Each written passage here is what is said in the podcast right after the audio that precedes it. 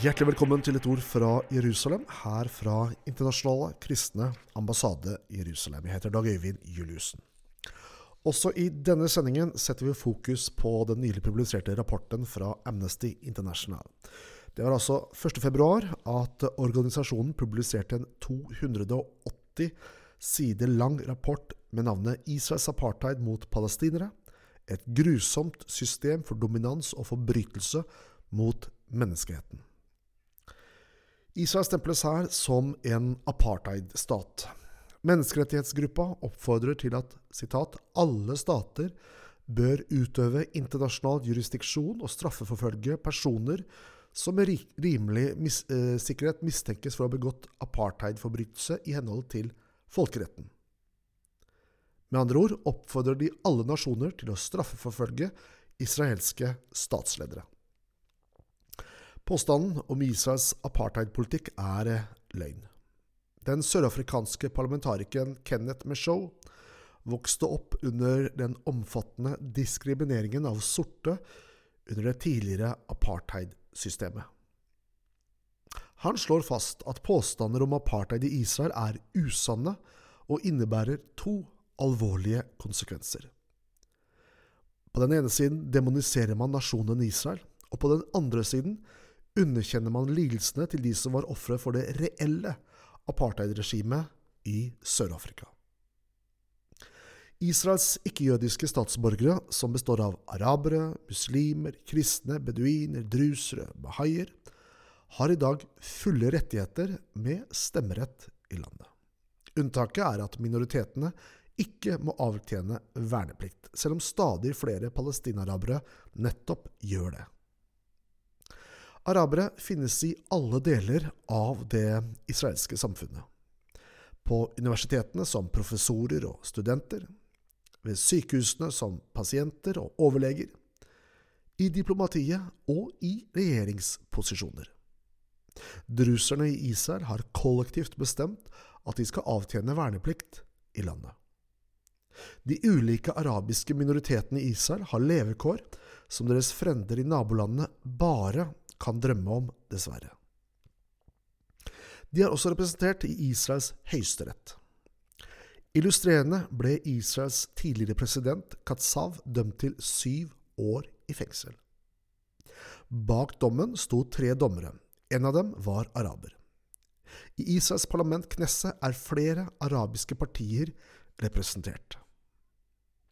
Undersøkelser har vist at over 80% av Israels arabiske statsborgere vil heller bo i staten Israel enn i en eventuell palestinsk stat. I Midtøsten-regionen er det bare som statsborger i Israel at en muslim kan oppleve demokrati, ytringsfrihet og trosfrihet. 3. mai 2017 publiserte Aftenposten artikkelen 'Israels arabere mer fornøyd enn sine jødiske naboer'. Her presenteres resultatene fra undersøkelsen The Peace Index.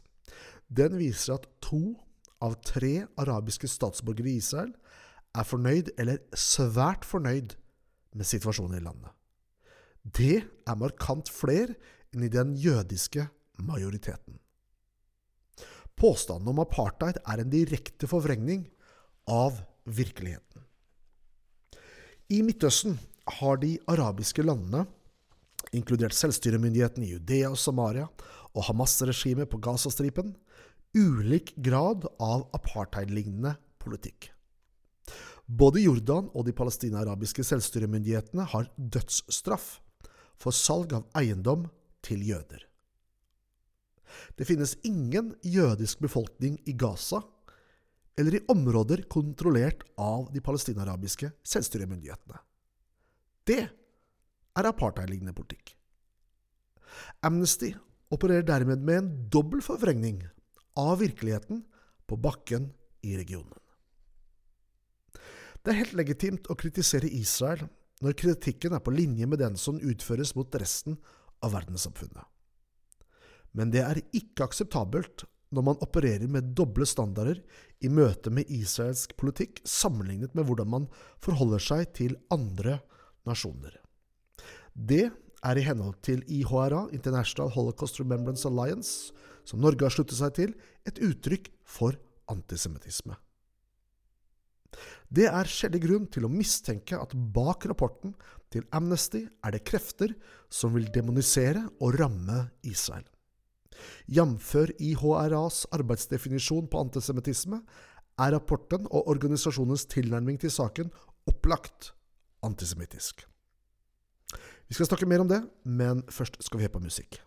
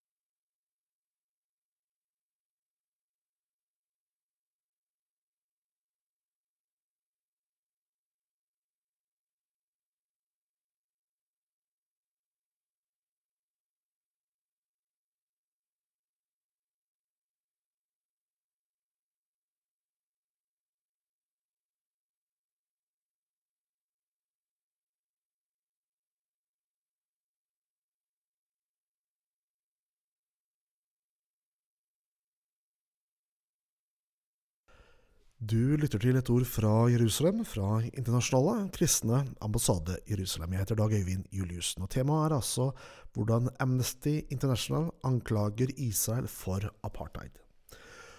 Orgen Kontorovic er professor ved George Mason University Scalia Law School. Han skriver at det som definerer og karakteriserer apartheid, det som skiller det fra generelle rasediskriminering, er den rigide atskillelsen av grupper i det offentlige rom og maktposisjoner. Dette utgjør atskillelse i apartheid. Slik kan en regjeringspolitikk som forbyr eiendomssalg eller transaksjoner til den utstøtte gruppen, være et tegn på apartheid. Apartheidpolitikk utskiller områder der en underprivilegert gruppe ikke får bo eller ta seg arbeid skaper etnisk homogene soner og begrenser den utstøtte gruppen til å leve i gettoer. Man kan anse det som apartheid dersom en regjering håndhever en politikk for utenomrettslige henrettelser av medlemmer av en utstøtt gruppe. Alle disse politiske bestemmelsene praktiseres på Vestbredden og Gazastripen av de palestinske selvstyremyndighetenes styresett mot jøder. Det som gjør karikaturen om Israels apartheid særlig avskyelig, er at det ikke bare er en løgn, det er et vrengebilde av sannheten. I alle områder Israel kontrollerer, lever jøder og arabere side om side. Likevel har de palestinske selvstyremyndighetene i flere tiår styrt over Gazastripen og omkring halve Vestbredden, og alle områder under deres juridiske myndighet er jødefrie. Det finnes ikke et eneste jødisk samfunn på noe område under palestinsk kontroll. Det har ikke sin årsak i jødiske forhold. Det eksisterer jødiske samfunn over hele verden.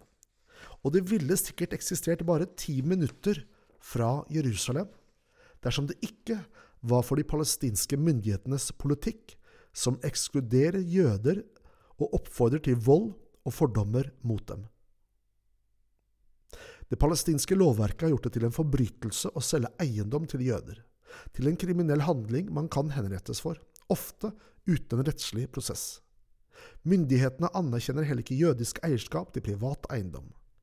En palestinsk religiøs tjenestemann uttalte på palestinsk TV i fjor at dette landet tilhører dets muslimske eiere, det palestinske folket.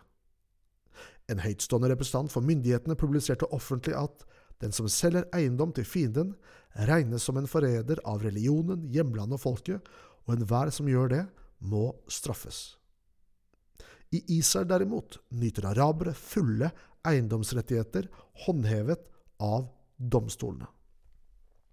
Og Det var altså professor eh, ved George Mason University Scalia Law School, Kontorovic, som eh, skriver dette i en artikkel som er, eh, blir publisert i vår neste avis, Et ord fra Jerusalem.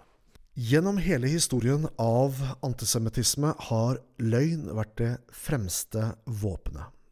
Jødene har blitt løyet om, og basert på løgnene har de blitt forfulgt.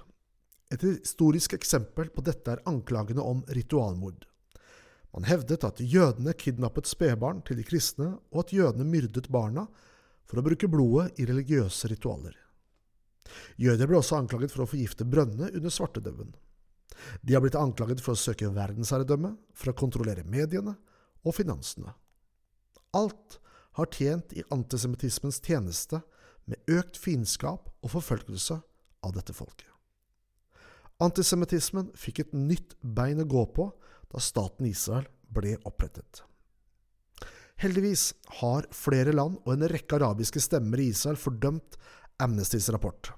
Rapporten er et skammelig uttrykk for Amnestys ønske om å skape et vrengebilde av den eneste nasjonen i verden med jødisk majoritet. Du har lyttet til et ord fra Jerusalem fra Internasjonale kristne ambassade Jerusalem. Jeg heter Dag Øyvind Juliussen og ønsker deg alt godt.